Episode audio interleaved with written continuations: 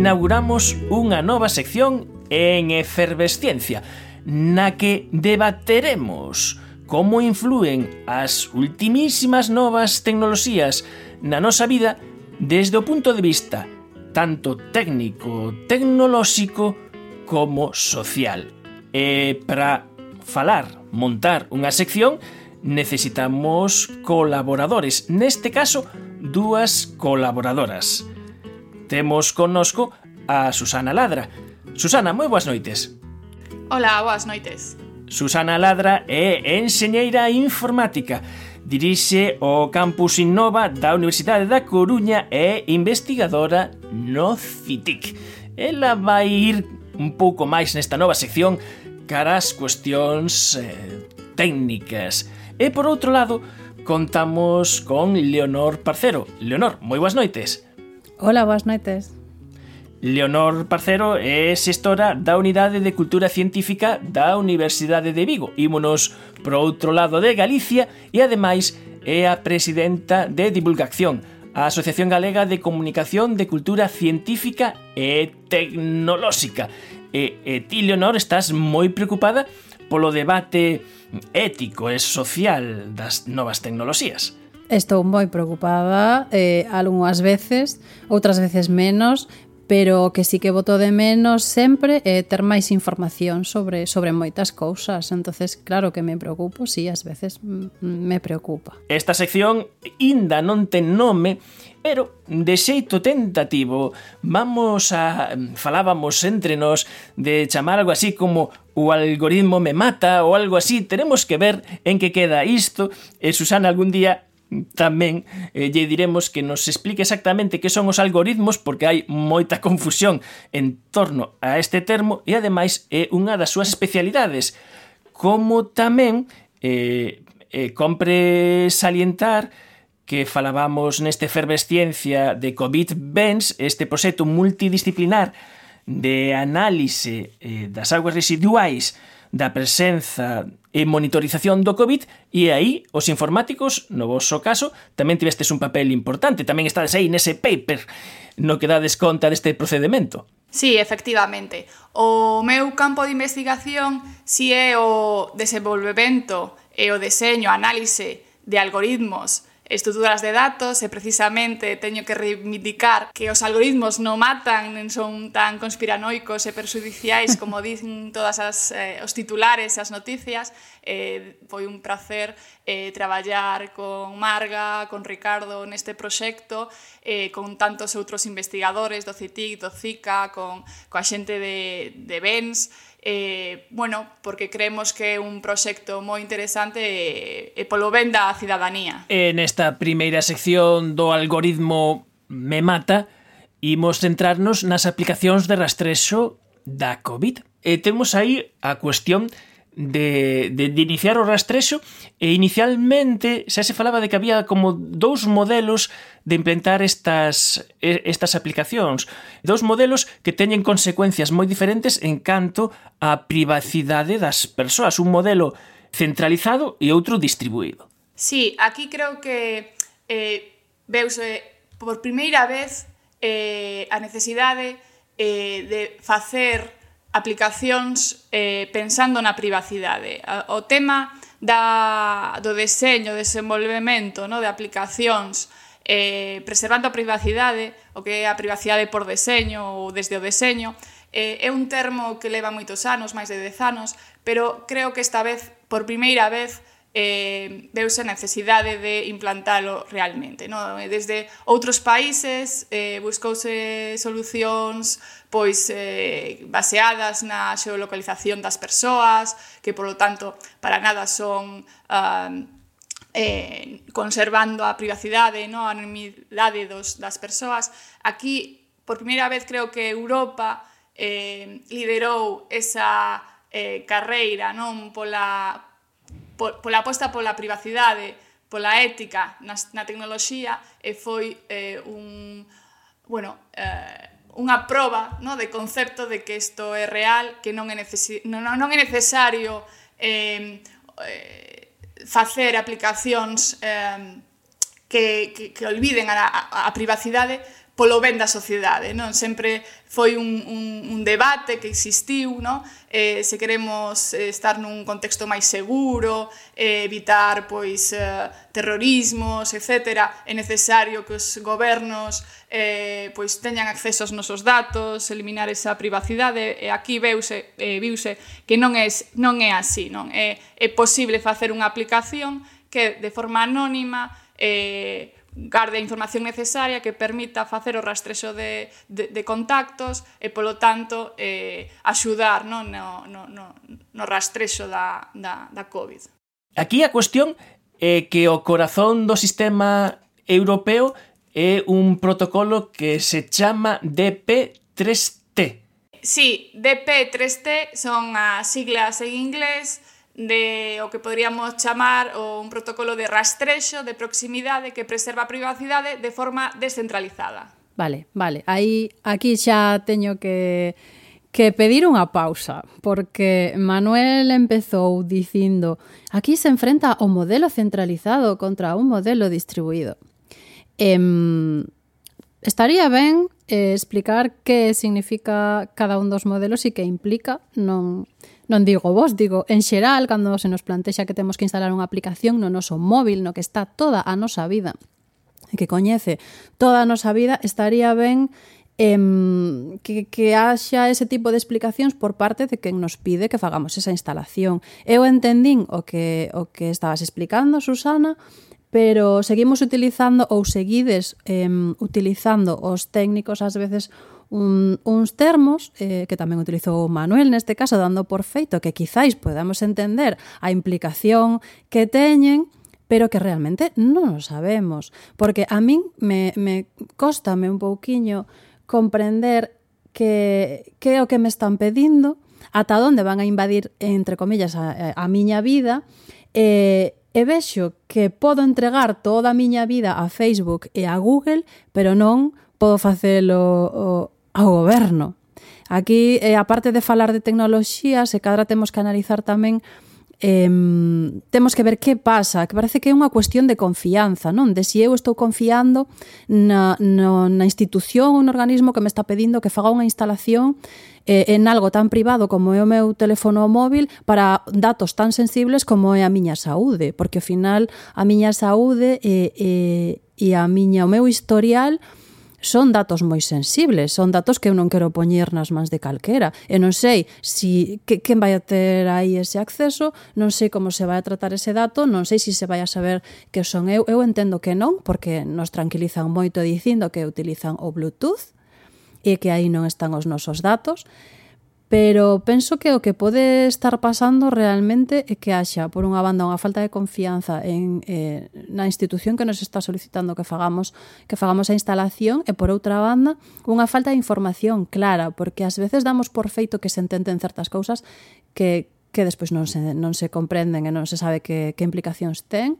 Por outro lado, se si temos en conta a fenda digital, podemos pensar, bueno, non sei se isto sería fenda digital, pero eu intentei facer a instalación de radar COVID, me faltaba a actualizar o sistema operativo, que non podía actualizar porque non tiña espacio no teléfono, é relativamente novo, é, é algo que fago con asiduidade, instalar, actualizar, mm, etcétera, pero que o mellor tampouco todo o mundo ten un teléfono suficientemente novo como para ter o sistema operativo compatible coa aplicación.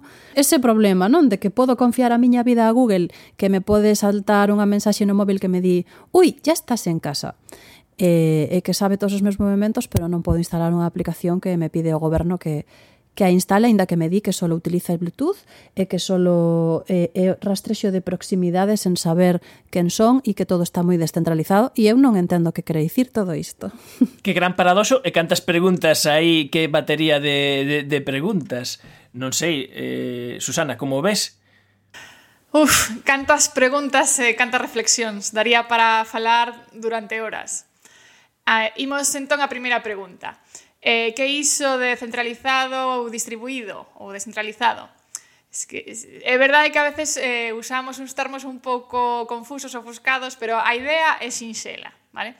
Eh, nos, eh, nos centralizados, moita parte da información almacénase fora do móvil, nun ordenador externo, normalmente da empresa ou da institución responsable da aplicación, pois neste caso o mellor sería o Ministerio ou a Consellería, noutros casos pois en servidores de Google, Apple, etc. No caso desta aplicación de rastrexo, dicimos que é descentralizado porque case todo se fai nos móviles das persoas, sen enviar ningunha información ao exterior. Eh, Rapidamente imos recordar como funciona a aplicación. Cada certo tempo, 5 minutos, por exemplo, emítense uns códigos que son como uns identificadores temporais aos móviles que están cerca. Estes códigos xéranse localmente. Só o móvil coñece o, eses códigos que emite. Vale? E tamén eh, non, durante ese tempo vai recibindo e almacenando localmente os códigos das persoas coas que está cerca, tamén localmente, non pasan por ningún servidor externo só no momento que alguén é positivo, pode voluntariamente notificalo no móvil, entón isto fai que se compartan os identificadores que estivo emitindo eses últimos 14 días. Nese momento sí se comparte información eh, de forma externa, pero só para distribuir es, eses datos, eses códigos aos restos dos usuarios. Entón, no último momento, cada móvil comproba se eses códigos que, que foron distribuídos corresponden cos que ten almacenados localmente eh, que foi eh, obtendo dos contactos eh, que foron emitindo os seus códigos por Bluetooth. Vale. Entón, esta compro comprobación tamén é local e tamén é privada. Vale? Deste xeito, minimiza a información e é privada. Isto permite Recibir alertas de, de que estiveches cerca dunha persoa positiva pero sen revelar a súa identidade, preservando a súa privacidade, e tampouco queda registro das localizacións das persoas usuarias da aplicación en ningún ordenador, como si fan eh, pois as aplicacións alternativas de rastreso de persoas que usan xeolocalización como foi as utilizadas pois en países como Corea do Sur, por exemplo. E de feito houve casos en, en Corea eh, que saíron na prensa na que se descubriron infidelidades, eh, cousas deste estilo, por, por sabendo pois quen vai á oficina por horarios, non sei que non sei cuánto, e que alguén estaba na casa de, da persoa que non debía estar.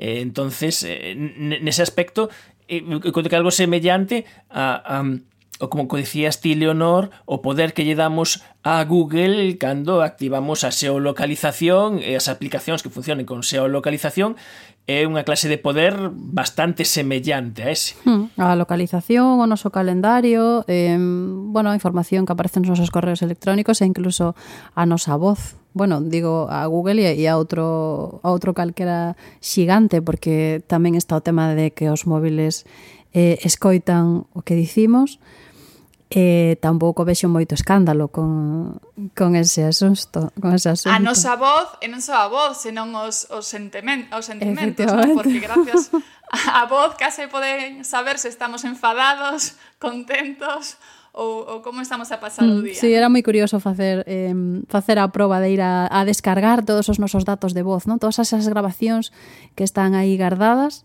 podes acceder a elas, podes descargalas e podes escoitalas, porque vai facendo polo que teño entendido, vai facendo grabacións periódicas eh, de, de todo iso que escoita para ofrecernos pois publicidade ou o que sexa. Eh, un pode acceder a iso, non? Eh, eh, E non lembro tantísimo escándalo ni tanta preocupación como con esta aplicación que supostamente eh, está está destinada al bien, ¿no? A todo ese a, ao en común para intentar intentar rastrexar a todos os positivos e estar todos o mellor posible. Sí, bueno, isto eh, é novo tamén para, para nós os técnicos, non? Eh, case nunca eh, eh, vemos a importancia no, de, da privacidade antes antes de, de poñer en producción no, o produto final eh, é unha revolución é unha revolución. Isto da privacidade desde ou por o, o deseño eh, xa digo, eh, a mellor leva 10 anos entre nós eh, non é totalmente novo pero este é un claro exemplo de, de, de éxito eh, calou eh, dentro da comunidade tecnolóxica e creo que, que vai vir para, para quedar. Eh, é un exemplo eh, onde podemos ver, efectivamente, eh, que non é necesario eh, eh, limitar as funcionalidades da aplicación, non perdemos, non, non, non perdemos nada facendo isto, simplemente temos que facer un deseño inicial pois tendo en conta todo isto que dis, iso que comentas é, é, é importante, seguramente ao principio non o, non o detectaron, pero detectaron o despois, porque é unha revolución dentro da, de, da enxeñería do software, non ter en conta estes principios básicos de privacidade no momento do deseño, non? Que, que, que, a, que, que a privacidade a faz no momento da configuración, que sea proactivo e non correctivo nese sentido, non ter isto de base, e non, non é algo habitual. E volvendo ás aplicacións de rastreso, o radar COVID, eu teño curiosidade como son eses códigos que intercambian os teléfonos. Se alguén, algún informático, pon a orella, escoita eses códigos, pode chegar a quitar información dai? Sí. A ver, o uso normal da aplicación só permite saber que estiveches cerca dun positivo, pero non onde ni cando. Sin embargo, un usuario técnico avanzado, un que sepa programar aplicacións, podería modificar esa aplicación para saber o momento e o lugar no que estiveches co contacto eh, que é positivo. E polo tanto, podería seguramente identificalo.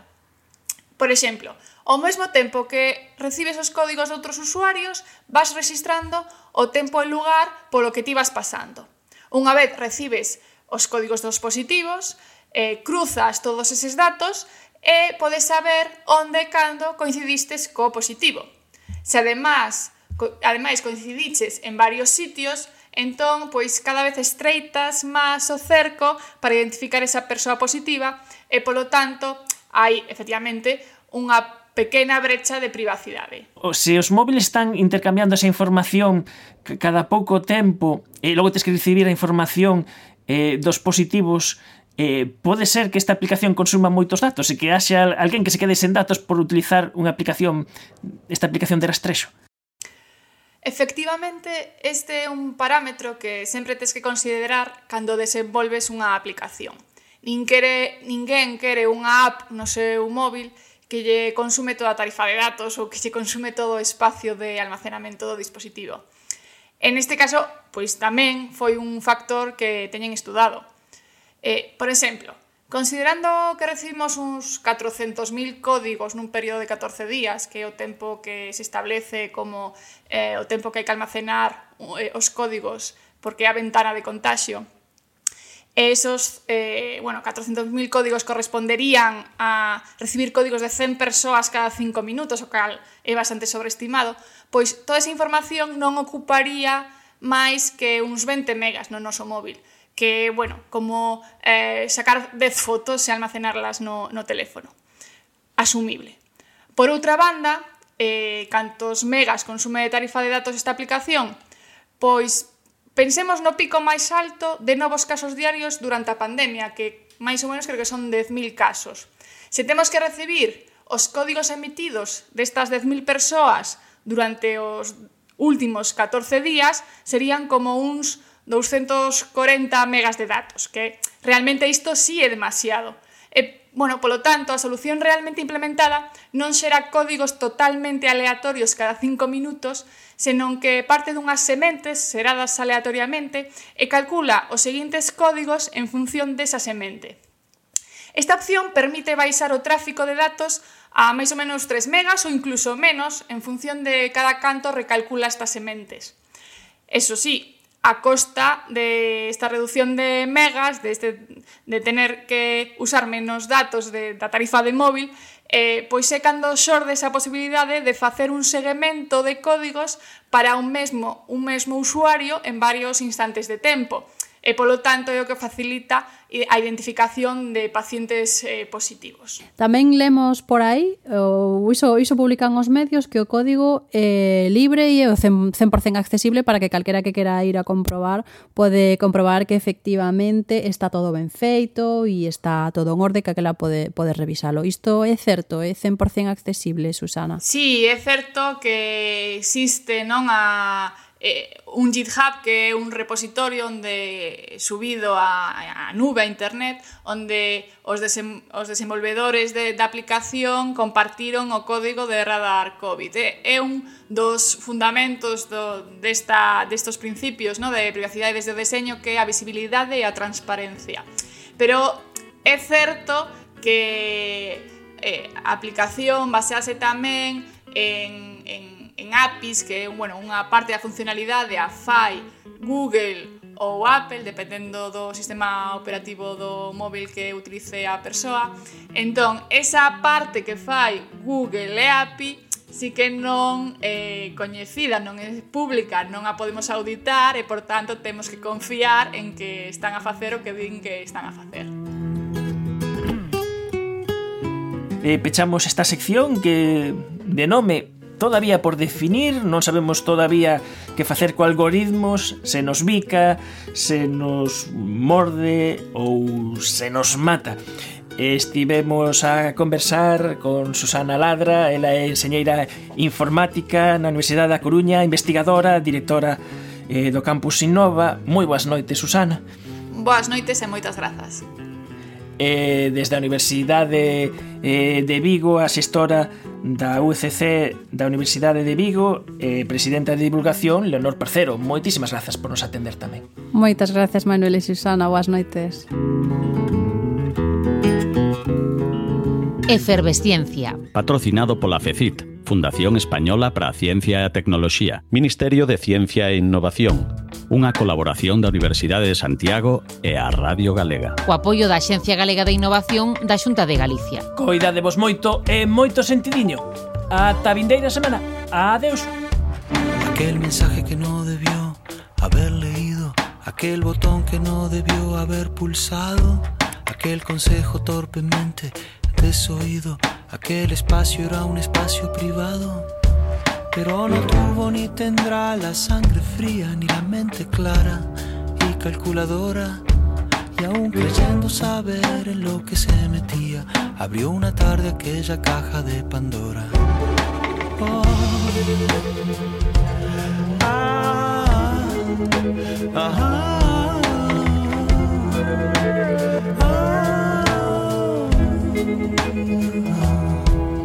Obsesión desencripta lo críptico, viola lo mágico, vence a la máquina y tarde o temprano nada es secreto en los vericuetos de la informática.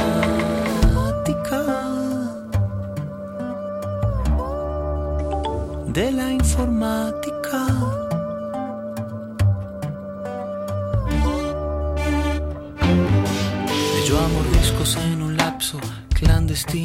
Tragando aquel dolor que se le atragantaba, sintiendo claramente el riesgo, el desatino de la pendiente aquella en la que se deslizaba. Y en tres semanas que parecieron años, perdió las ganas de dormir y cinco kilos. Y en flashbacks de celos aún siguen llegando las frases que nunca debió haber leído. En